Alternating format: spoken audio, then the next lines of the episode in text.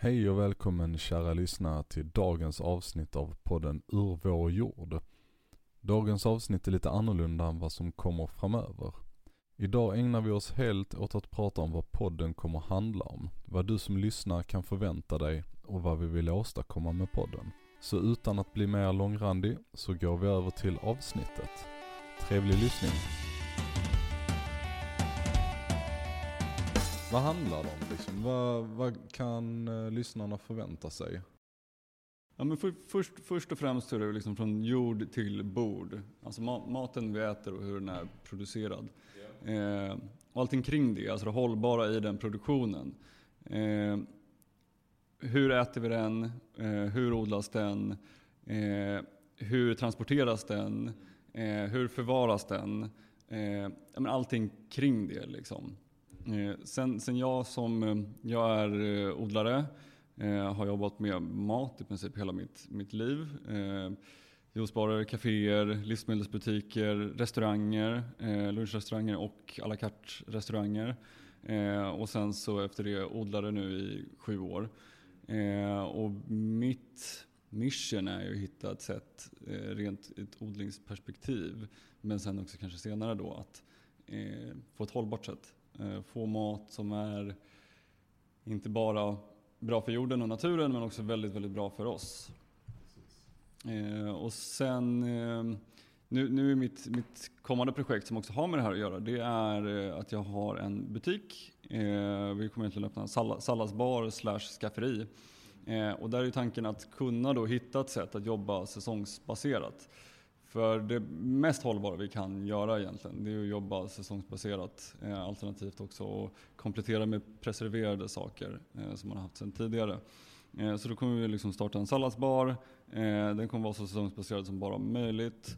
Eh, men då också ha ett skafferi med allting som vi har i salladen som, vi då, eh, som man ska kunna köpa. Eh, och då ska vi också kunna introducera nya smaker. Eh, in, in, inte bara helt funky nya som soja och sånt, det älskar jag också. Det kommer vi ha. Men, men olika fermenteringstekniker. Eh, vad kan vi göra i Sverige liksom, med, med våra grejer och ändå få umami? Ja, nej men det, ja just det där med vad, vad kan vi göra med grejer från eh, Sverige. Det är rätt intressant för att nästan allt Alltså, det är väldigt svårt när man bryter ner det och faktiskt hittar grejer som är 100% svenska. Det, det, är inte alls så självklart som man tror. Och det är väl lite grann där också vi kommer in på um, att vi ska ut och eh, titta och prata med andra matproducenter för att få reda lite grann på vad det är de lyckas med. Vad de lyckas odla och vad de eh, plockar fram för grejer och så här. Precis, och sen också liksom skillnaden i de här olika liksom producenterna. Vad är skillnaden mellan en lokal eller liten producent som gör, gör egentligen så bra som möjligt till skillnad från den större som kanske inte gör alla rätt. Eh, och jag kommer försöka, eller misstänker att både du och det känns som både du och jag har ganska öppet perspektiv kring saker och ganska objektiva kring, kring saker. Mm. Att vi då kommer försöka att eh, se det objektivt också. Och inte bara se det för att det är litet, gulligt och barfota Ifall det nu är det bästa eller ifall det stora kanske är det bästa. För det är ju ett hållbart, faktiskt hållbart perspektiv. Som vi är ute efter. Jo men precis, alltså hållbarheten är ju inte bara i att det ska vara bra mat. Utan hållbarhet är att det, alltså det ska vara realistiskt och faktiskt producera det. Du kan inte ha Alltså med den befolkningsmängden vi har nu till exempel, eh, så funkar det inte att ha en massa småbruk. Utan du måste ha lite större operationer för att det ska gå. Enda sättet. Alltså menar, för, för, förr i tiden så gick det väl. Alltså problemet här var väl att det gick inte hela tiden. Det var därför det fanns liksom katastrofer med ifall skördar blev dåliga och så vidare. Men, men förr så var det liksom eh, 80-90% var jordbrukare. Om inte alla var på någon grad att de producerade sin egna mat. Och ifall vi skulle komma tillbaka dit, absolut. Det kanske hade gått. Men jag tror inte att det, och från egen erfarenhet, från att liksom faktiskt vara grönsaksodlare och den tiden det tar och risken och allt vad som har med det liksom. Eh, jag tror inte att det är så många som vill bli producenter. Eh, och bara då liksom implementera en traktor, mm. det ersätter ett par hundra människor på, på en stor skala. Eh, den, den använder bensin, men det är värt för liksom de hundra människorna som annars skulle behöva tusentals kalorier om dagen som jag behöver käka. Liksom. Nej det är, det är, fan, det är en svår balansgång. det är jättesvårt. Men just det där, med, när vi träffar de producenterna, då är det ju liksom det här lokala. Eh, de, de producenterna kommer ju också vara liksom säsongsbaserade. Eh, just, just av den liksom anledningen att de är lokala. Det är inte jättemånga som in, inte är det som är eh, kring här. Sen, sen, finns det ju de som importerar lite grejer för att kunna göra sina produkter.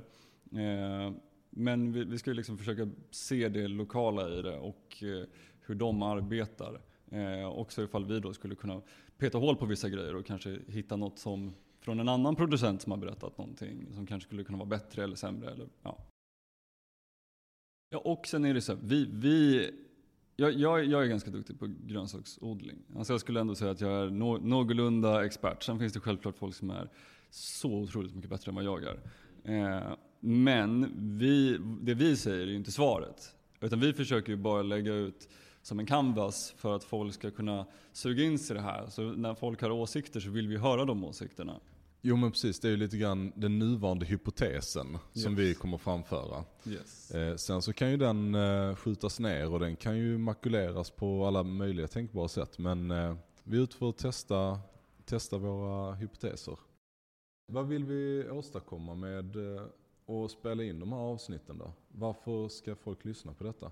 Ja, men först, alltså, vi, jag märker, eller jag tycker ju att vi, vi måste hitta ett sätt som är bättre än det sättet idag. Det, alltså det, mm. det, det, tror jag att de flesta förstår att vi måste, men inte kanske riktigt vet hur man gör. Jag har väl börjat hitta några små saker som skulle kunna förändra någonting. Eh, men vi behöver vara fler som liksom jobbar mot den här, liksom, ska vi kalla det grönare framtiden eller hållbara framtiden eller vad det nu är för någonting. Eh, men först och främst måste vi få ut information för att vi faktiskt ska börja förstå. För utan infon så fattar vi inte. Så att vi vill nå ut till så många som möjligt med så mycket information som möjligt. För att alla vi tillsammans sen ska kunna göra en förändring. Precis, och det är, ju, det är också nyckeln. Vi vill även få in information. Vi vill kunna bygga de här lokala nätverken så att folk börjar prata med varandra och och eh, diskutera svårigheter och sätt att lösa och komma förbi sådana här problem som uppstår då. Precis, för det, det är ju ett, ett, stort hål vi har idag. Det är den här community-biten. Eh, det, det, det, är klart, det finns community, Facebook, Instagram och allt vad det här är för någonting. Men den här riktiga community-biten när vi sätter oss ner och träffas och faktiskt pratar om problemen och löser problemen. Folk som är intresserade av de här olika sakerna. Det är ju tydligt att vi inte kan lämna över det här till politiker. Nej, nej, nej, för böven. right, right. Och det är liksom, så, så, så, därför tror jag det här, det här måste ju komma från gräsrotsnivå. Eh, och vi vill ju tillhandahålla någon form av informationsbank och plattform. Men sen som sagt så är det ju alla tillsammans, det är så många som möjligt. Det här är ju någonting vi måste göra tillsammans. Ett litet jävla steg i taget. Det behöver inte vara liksom att vi helt plötsligt ska flytta ut på landet och inte använda el. Utan minsta lilla först och sen så tar man det liksom stegvis därifrån. Vi eh, försöker gynna decentralisering framförallt är ju, ja, det blir ju ett mer, eh, vad ska man säga, mer robust samhälle och mer robust eh, matförsörjning av det i slutändan än vad vi har nu när det är liksom stora, stora fabriker och stora jordbruk som... Så är det. Det försvinner och påverkas väldigt snabbt av liksom de världens förhållanden. Mm. Säg till corona och hur liksom mat och saker påverkades av det och att det fanns saker blev dyrare, vissa saker blev svårare att få tag på. Eh, men sen även nu då med liksom senaste vi har haft med Ukraina-krisen och liksom hela, hela den, den härvan som händer liksom och hur, hur det påverkar matpriserna. Eh, hade vi haft en nu har det med elpriser också att göra, men hade, hade vi haft en starkare lokal produktion utav det här så hade vi inte vi själva påverkats lika mycket av att det hade varit ett krig i Ukraina.